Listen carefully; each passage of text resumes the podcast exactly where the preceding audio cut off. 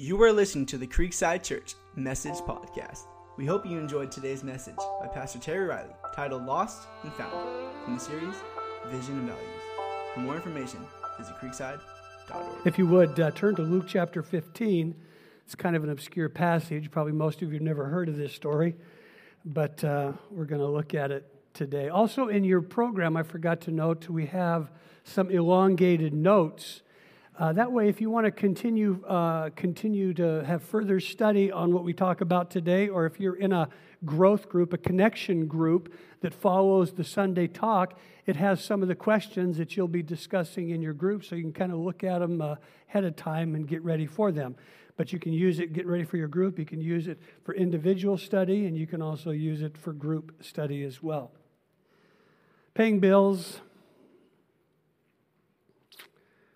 disciplining kids, raising a family, going to work, taking care of the cars, being involved in ministry, going to church, dealing with kids' sports events and activities, loving your spouse, loving your kids, doing school activities, having to work overtime. The list goes on and on and on of all of these things that we do. And all of those things can have a tendency to cause us to forget what really is important, to keep the main thing the main thing. Because we just get so immersed in those things. All of those things are very important, but sometimes they can cause us to lose what the priority of our life is. And that's why we're talking as a church. We uh, appreciate uh, Brian last week sharing a little bit of his story. And yeah, yeah. And uh, thank you, son, uh, son of, of, Brian's. But, but he talked about three things that have been characteristic. They've kind of been uh, really key parts to this church love and acceptance and forgiveness, and some of his story and how that has worked in and through this church. So I appreciate him kicking off this series because uh, our vision has to do with the preferable future of where God's going to take us. And I'm going to talk about that in a few weeks. And but I want to talk about some of our values because our values are simply the behaviors of an organization that undergird its beliefs. And those things leak because we get so busy with things. And I always want to make sure that I call us back to these important things. And today, one of our values is that people matter to God. Because they matter to God, they have to matter to us. And one of the one of the greatest vision leaks of any and almost every church, if they don't stay on top of it, is we forget that people matter to God and have to matter to us. Oh, yeah, we, we, we're concerned about them, but we really forget about the priority of reaching out to them. So I want to talk about that today. Jesus is going to tell, really, we call it three parables or three stories, but it's really one parable with three aspects. It's like a symphony with three movements. It's it's like a song with three stanzas because the focus is really all about one thing. Jesus is dealing with those things that are lost, those things that need to be restored and to be brought back. And what we're going to see is the heart of rigid religion at work and how Jesus has to work with these rigid religious people. But also, we get to see in juxtaposition some people that are coming to him because he has the words of life and he has the words of grace. So if you look in Luke chapter 15, verse 1, we're going to, the first couple verses says this. Now all the tax collectors and sinners were approaching to listen to him. What a great statement. I'd sure love that if people would say that about me too, you know, like just, just look at all those sinners just kind of coming to Terry and, or better, coming to Creekside. We are here. There you go. Amen. That's a good answer, Todd. That's a really a good answer. But that brings me to a point. What happens if they really do come, the ones that maybe don't sin like we do? And they don't look like us. And they don't smell like us. And they don't act like us. Because see, that's where the rubber gets, that's where the rubber hits the road. Because these people here that Jesus is talking about, he says the sinners and the tax collectors. See, the tax collectors were renegade Jews who they curried the favor of Rome as they collected taxes from their own. These would probably have been the most reviled and hated people of the day. And Jesus says, Bring it. Come on. And then the sinners were the ones that, well, they had lost favor with the religious leaders and the church crowd. And Jesus says, Come. They're listening to me. I love that. But Jesus is talking. He says, he goes on in verse 2, he says, and the Pharisees and the scribes, they were complaining. Now, hear me. That's what the church can begin to do, can't it? We can, be some, we can become so kind of like, you know, our own little entity, country club, group, that we forget about the people that are reviled out there, the people that are unaccepted out there because we do get pretty comfortable with our own. But not Jesus. Not Jesus. It says the Pharisees and the scribes, the religious dudes of the day, they were complaining. this man, he welcomes sinners and he eats with them. Jesus is talking, he's going to talk about things that are lost. As followers of Jesus Christ, he's our example for reaching and restoring and bringing the lost because he didn't, he didn't marginalize anybody. See, the religious leaders, they were incensed that he hung out with the drunkards, the tax collectors, and the hookers. As a matter of fact, they tagged him with a three word statement that was derisive and scathing with criticism, and then they called him what? Friend of sinners. Uh, but we know Jesus made it very clear that that was his mission. Uh, Luke chapter 19, verse 10. I come not to, I come to seek and to save the lost. Mark chapter 2. I didn't come to call the righteous. I come to deal with the sick. And Jesus made it clear that that was his mission and that was his value system. That was the entire reason that he came to save the world, not to condemn it. So we have an understanding of God's heart for the lost and the debauched and the broken. And I bring us back to that because sometimes that vision and that value and that understanding can begin to leak out of a church and it can begin to leak out of our own hearts. And I want to make sure that we never forget. That's our sole purpose here, loved ones. First and foremost is to reach those who are far from God. It's so important. Jesus said, That's what I come to do. And then he gives us here a vignette of, of stories to kind of drive the point home. And what you're going to love about these stories, if you're not totally familiar with them, is that as he's talking, he's talking to both groups. He's talking about the religious and he's talking about the broken and the sinner. He's talking about those who need God, and then he's talking about those who really need God because they don't think they need God. And Jesus is a master storyteller. And so let's pick it up in verse 3 as he talks about the first stanza of this parable where he's talking about a sheep. And he says, And so he told them this parable What man among you who has a hundred sheep and he loses one of them does not leave the 99 in the open field and go after the lost one until he finds it? Then when he has found it, he joyfully puts it on his shoulders and and coming home, he calls all of his friends and his neighbors together, saying to them, Rejoice with me. I have found my lost sheep, and I tell you in the same way. There will be more joy in heaven over one sinner who repents than over 99 righteous people who don't need repentance. See, he's talking about the sinners and the tax gatherers. And then he's saying, and you, you guys you don't think you need anything. And you're going to miss the celebration. We talked about this for the last month the shepherd and the sheep relationship. And uh, these people with Jesus would have all understood and related to this parable and how the shepherd goes after the sheep. We, we said this before sheep are not smart animals. They wander aimlessly and they get mixed up easily. They need to be led, they need to be guided to places of safety, to water, to pastures, to be able to eat. They have a tendency to nibble away from the flock and just to get lost and go their own direction.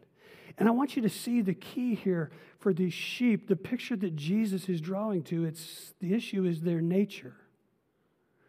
By virtue of who they are and their nature, this is going to happen. Isn't the world full of people like that? Maybe it's not just always their desire to go this way, but they just, it's their nature to move in this direction. They don't really know where to go, so they listen to the voices of the day and they begin to just kind of follow culture. Well, this way sounds good, I'll do that. There's no, there's no absolute truth to guide them. But what I want you to see here this morning is the aggressive attitude of heaven toward people like those who lose their way. You see the action here of the great shepherd Jesus. He's the great recoverer. And in this passage, it really is a picture of Jesus and how he aggressively seeks those who are lost. No shepherd's going to be happy if he's got 99, but one is lost. Remember, we talked about this in their culture that the sheep were like pets to the shepherds, to the family. They grew up, they had names, they could respond to their call. Secondly, they would also, they could be served like currency. They could be a meal for them. They could, they could literally be what they would use to sustain their lives with in terms of food.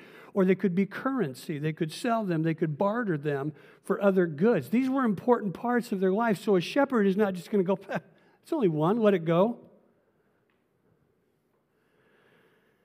They're important, every last one of them. Eh, eh, do you know people today that are far from God? Do you have some friends, family, people that are lost in direction, that kind of follow our culture, the conventional wisdom of the day, the word on the street, you know, the kind of the Madison Avenue marketing that they just follow and believe that's the best way for their life to go. See, the shepherd's heart, Jesus' heart grieves for one. And we get to be the people, we get to be the church that cooperates and walks with the gentleness and minister the life of Christ. Not come to preach at them and tell them and tell them where they're wrong, but to begin to step into their life and encourage them and share our story of God's amazing grace. As Todd said, we are sinners. We never move beyond that. But we get to begin to speak into the hearts and lives of people, just like the shepherd. How many of you really have any people around you that, well, they're, they're far from God? Sadly, so many Christians can become so self righteous and we become much better at condemning sinners than being their friend. In the presence of people who are demonstrating a lack of morals and integrity, isn't it easy to find ourselves revolted? And pretty soon we spend more time avoiding them and judging them. I'm quite certain Jesus wouldn't do that because that's why the sinners and the tax collectors followed him. And that's why all the religious people got pretty ticked off at him.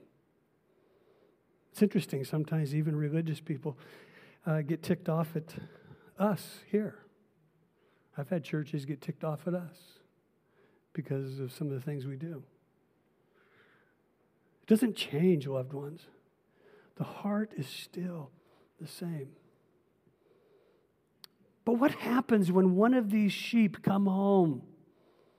There's a celebration, there's a party in heaven. Imagine what that would be like. And that's what I want to make sure that we move back toward as a church. Is that we begin to celebrate people coming to Christ. Because everything else that happens here has to be second nature, has to take a back seat to that. And that has to be our first priority. This isn't a country club. This isn't a place just to gather and kind of whoop it up and tell everybody how good we are.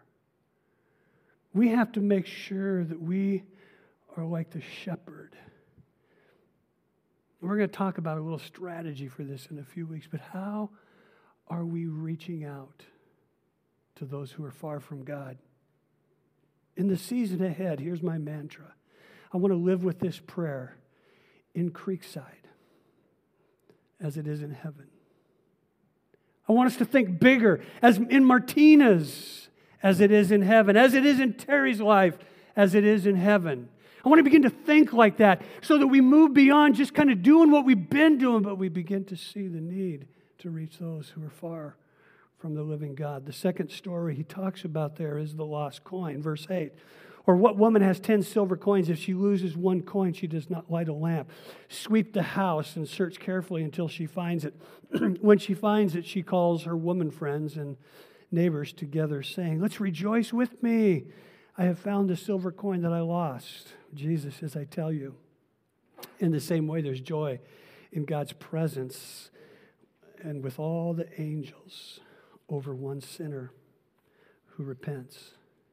So Jesus now gives us a different scenario as he talks about a lost coin, and it's lost in the house. Now, the coin is not lost because of its nature, much like the sheep.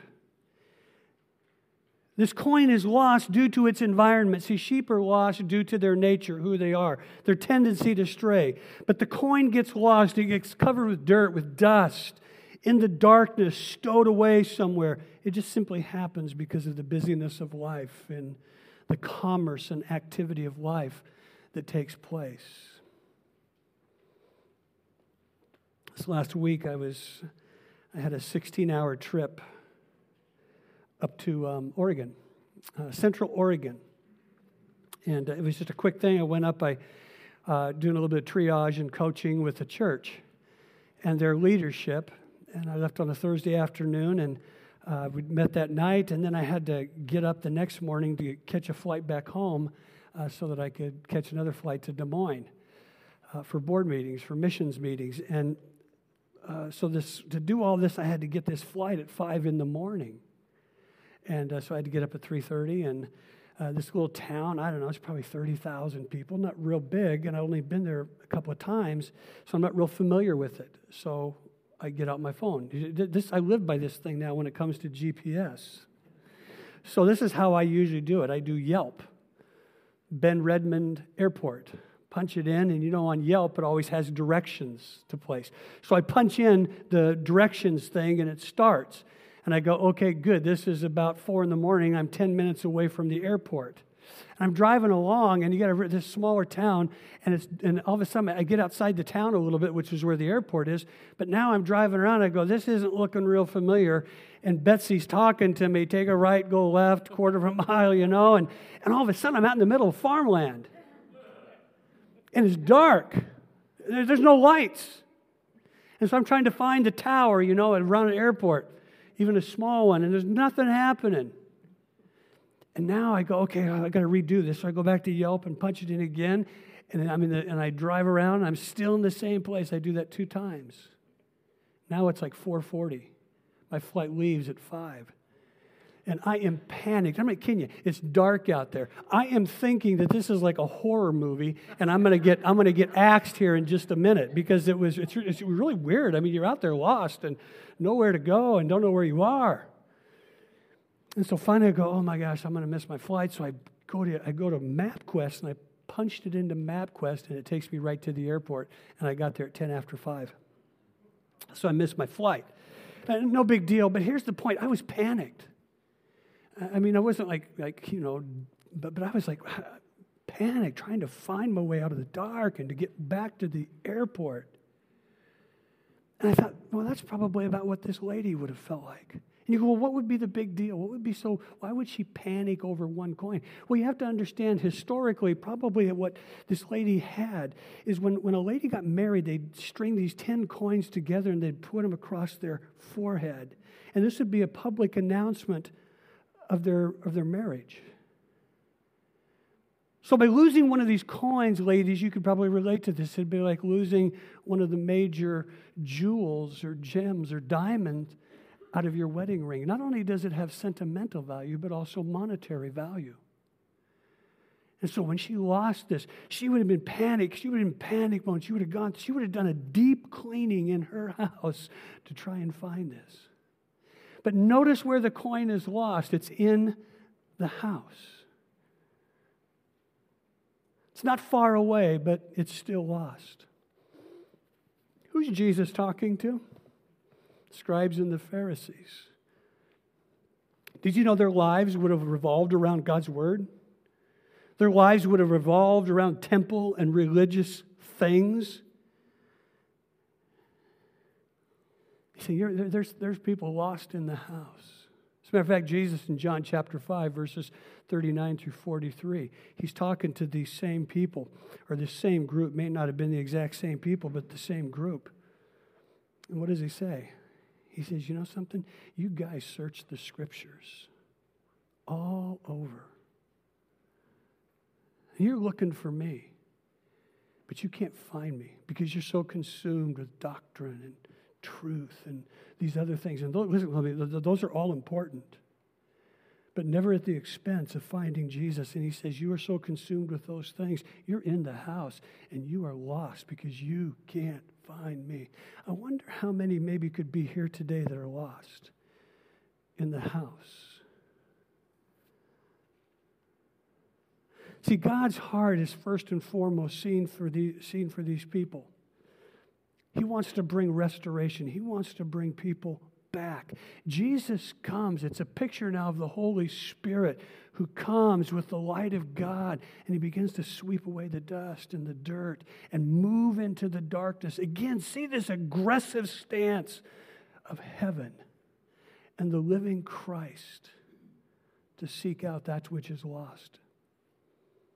See, when the work of the Spirit takes place in a person, there's repentance, there's a change of mind and a direction. And it says literally that there's, there's this presence, there's this party in the presence of the living God, and all of heaven celebrates. And I wonder, wow, what would that be like even here? Get to see that.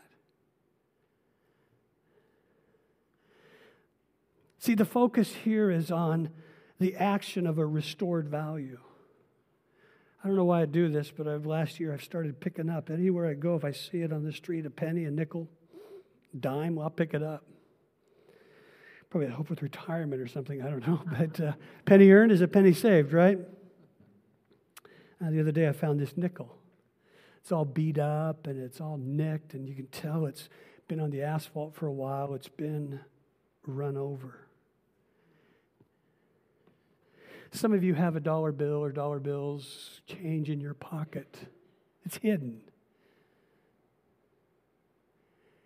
This here's a nickel. Do you know that even in the midst of all its marring, it still has the same value?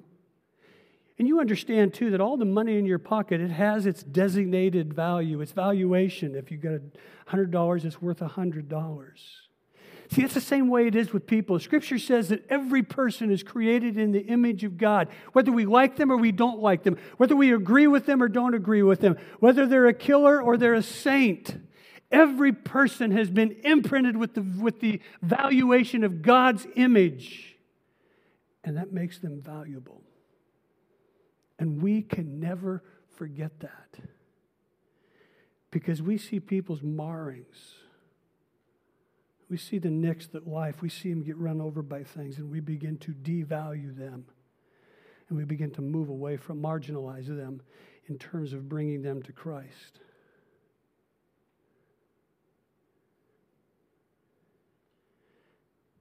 When does this nickel gain its greatest value? When it goes into circulation. When I go sometime and put some money with it and I buy a candy bar or I buy something with it. When this is in circulation, it's the same thing, loved ones, with people. When we help people get restored, find their way back to the living Christ, their greatest value will come, their greatest value will be found when they move from being lost to being restored, when they move to being established and to walk in the purposes of God. Are you dealing with, are you walking with, do you know somebody today who maybe is even in the house?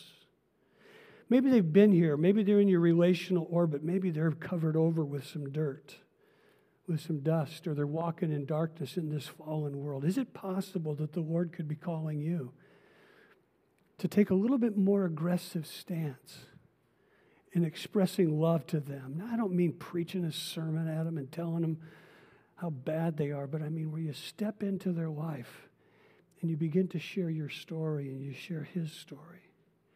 And you begin to love them like Jesus would. Not condemn them, not telling them how bad they are, but you begin to minister the life and the grace of Jesus Christ. Think of the messes Jesus deals with with you and I. We're in the house. But sometimes we move away from that. We have a vision leak, a value leak for that. Philippians chapter 2, verse 15 says that we are to shine like stars in a crooked and perverse generation. And the idea there is that we're to be this harbor of safety and sanity for broken people. And it's so easy for church, for us, to move away from that. Maybe you're here today, you need to deal with some of the dirt, some of the darkness in your own life and soul so that you can move forward. At the end, I want to pray for you. Because we want to live a life of repentance that is continually bring us closer to the living Christ so that the end result is what? In Creekside, as it is in heaven. In Isaiah, as it is in heaven. In Judy, as it is in heaven.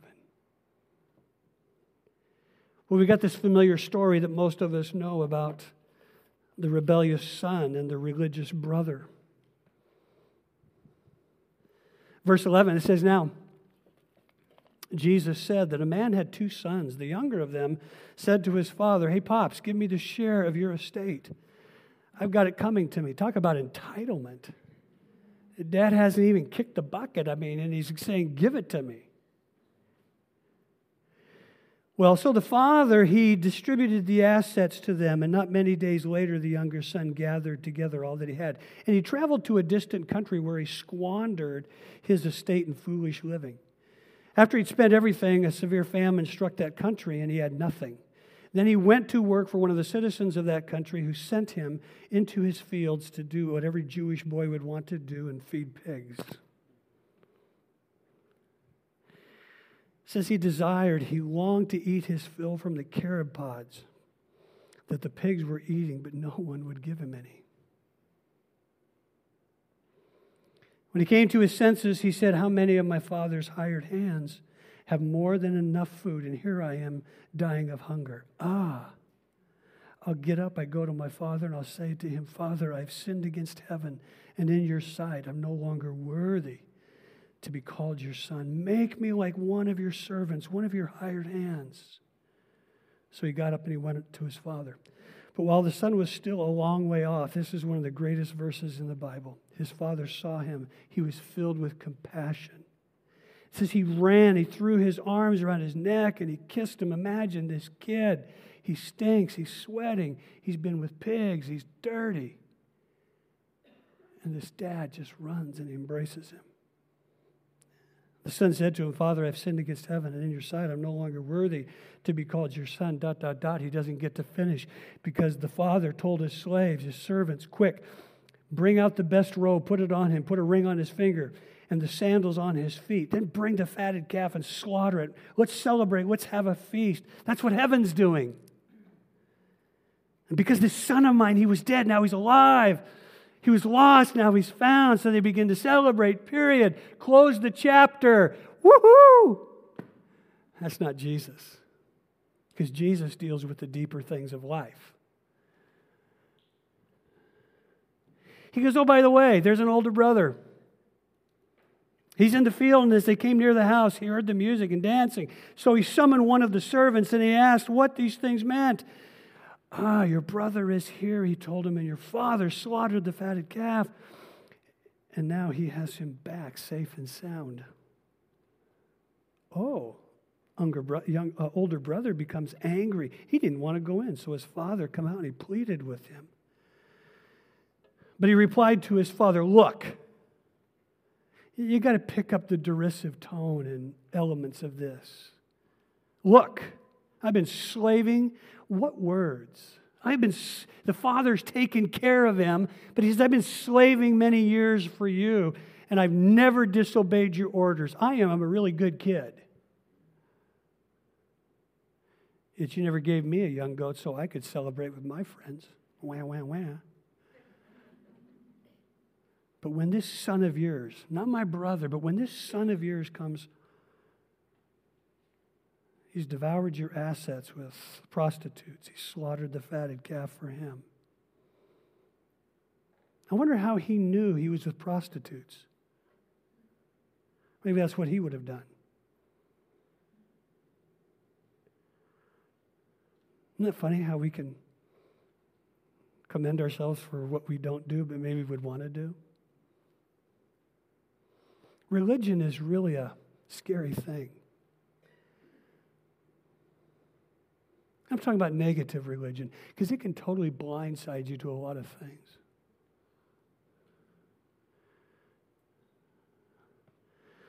So you see this father, he comes, son, you're always with me. Everything I have is yours. But we had to celebrate and rejoice because, well, this brother of yours, he was dead. He's alive again. He was lost, and now he's found. See, that's what matters to the Father. That's what matters to Jesus. That's what matters to the Holy Spirit.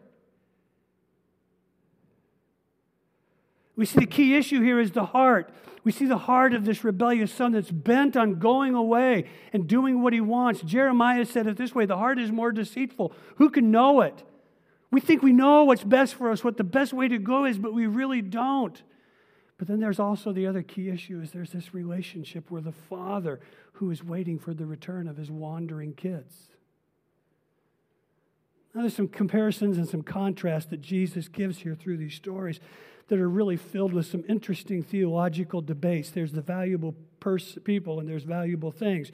There's the seeking and pursuing versus waiting for the response and the return of repentance. There's a coin that needed dusting off, and there's a filthy boy who gets embraced. You have to understand that in the scriptures, wherever there's really theological issues, doctrinal issues, they're very important. But you also have to be able to step back and not become so wedded to something that you don't make room for God to be God. We think that in our finite thinking that we can unpack all the theological truth that there is in the scriptures. And so it's like politics. You know, if you're a Republican, you're great to Republicans. If you're a Democrat, you're great to Democrats. Well, if you believe in certain theologies, then you're, boy, you're in my camp. And then we begin to draw these lines of demarcation that I don't think God ever intended. And we see some of those here. One of those is the, that's been throughout the church, debated throughout the church for years, is that's central to our faith is divine sovereignty, God's choosing of people, uh, versus human responsibility, man's choice. And it's still a big debate today. 1500s, there was a guy named John Calvin who come up who was a proponent of ex- the exclusive role of the divine sovereignty of God in, in salvation. I mean, here is like a minuscule flyby. But he has this doctrine called Calvinism. And it basically said, with a lot of other things, but man is depraved, hopelessly lost, and therefore God chooses him because he couldn't do it on his own, which is pretty true. We are depraved. But then you had another guy that come along, and his name was Jacobus Arminius. And he disagreed. He believed that man's responsibility was a major factor in salvation and coming to Christ. I mean, didn't Jesus say, Come unto me, all ye that are weary and heavy laden, come after me? He would say to people as he went into crowds, Follow me. So therefore, Arminius, he maintained that each person had to make the own decision or was part of the decision on his own to follow Jesus. Now, an extreme Calvinist, he might not feel the need to witness because God has already chosen, so therefore, why bother? And, I've, and if you were an extreme Calvinist, I've always thought, well, why have church?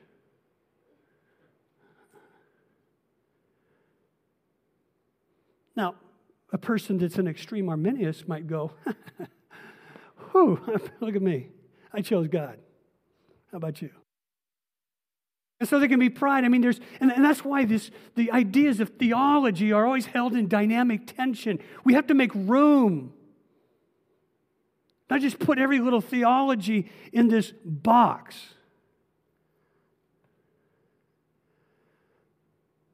We see both of these truths here. We see God making the determination to go after and to seek after in the first two. And then in the last one, what do we do?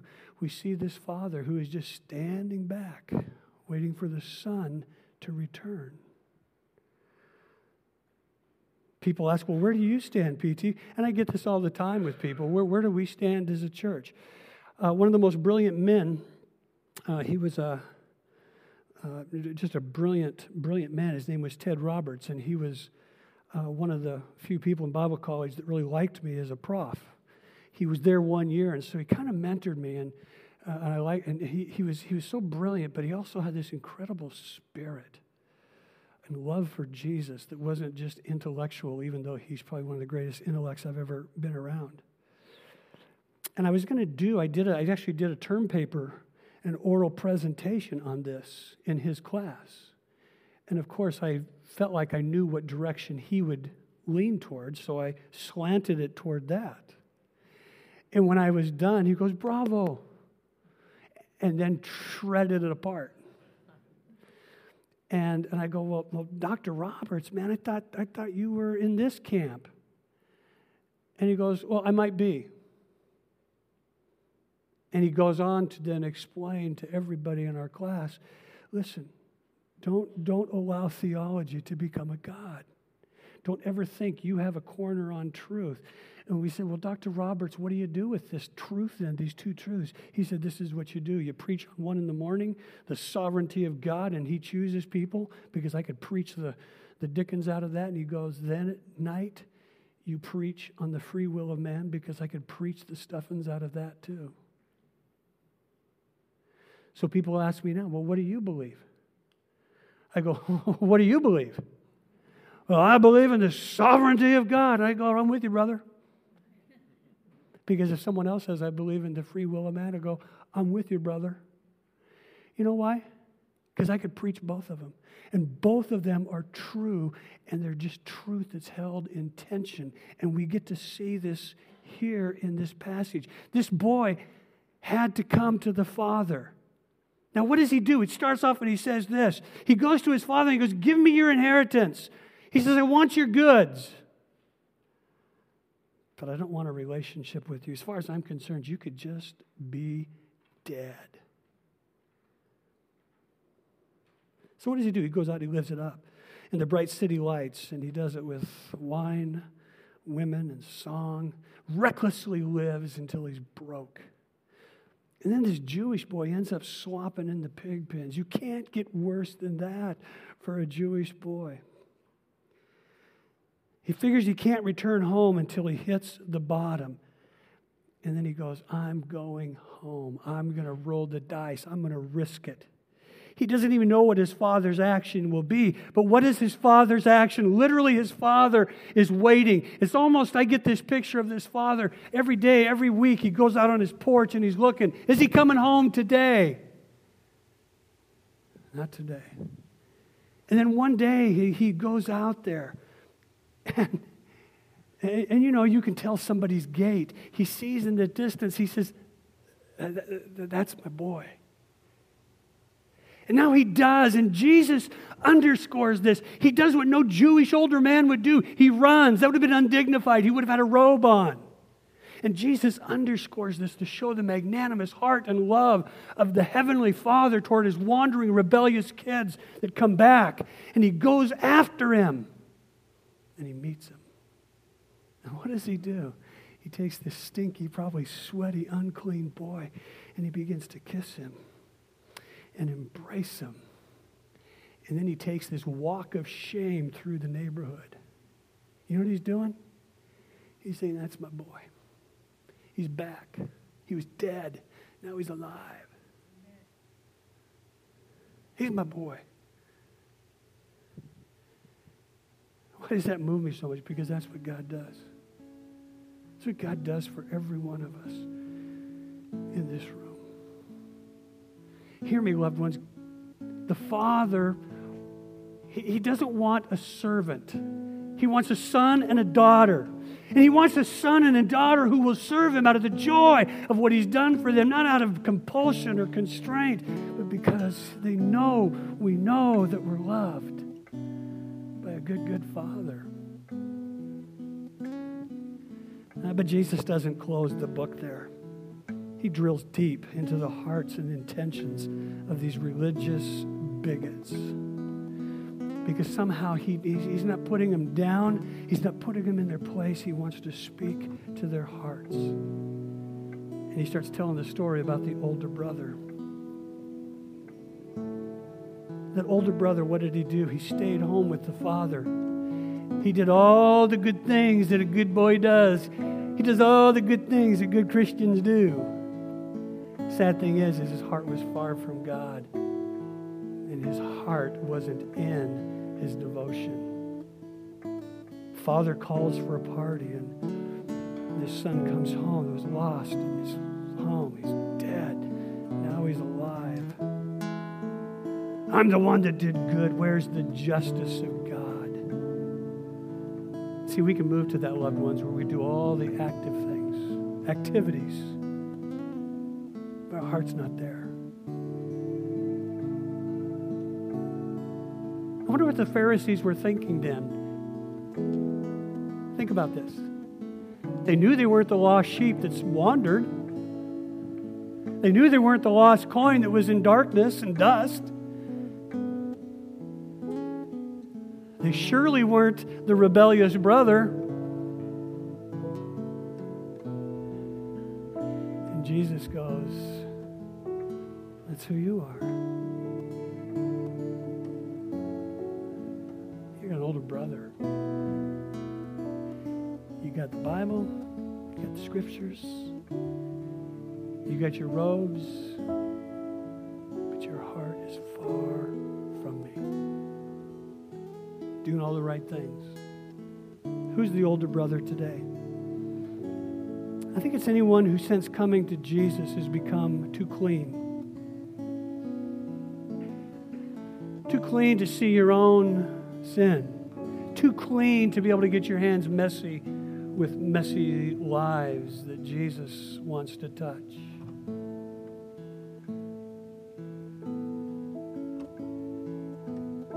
Who's the older brother? I think it's a church. I think it's a church that becomes too concerned with keeping the status quo.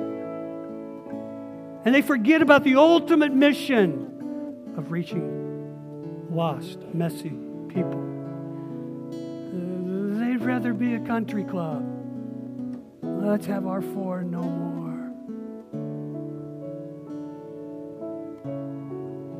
Like the people that look like me, smell like me, talk like me, act like me.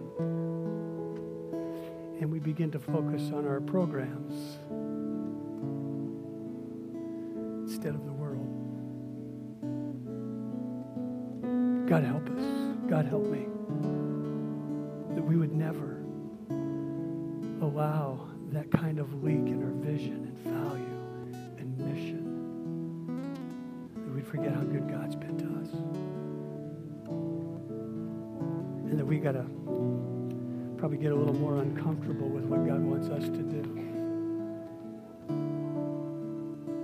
To reach the lost, people far from God.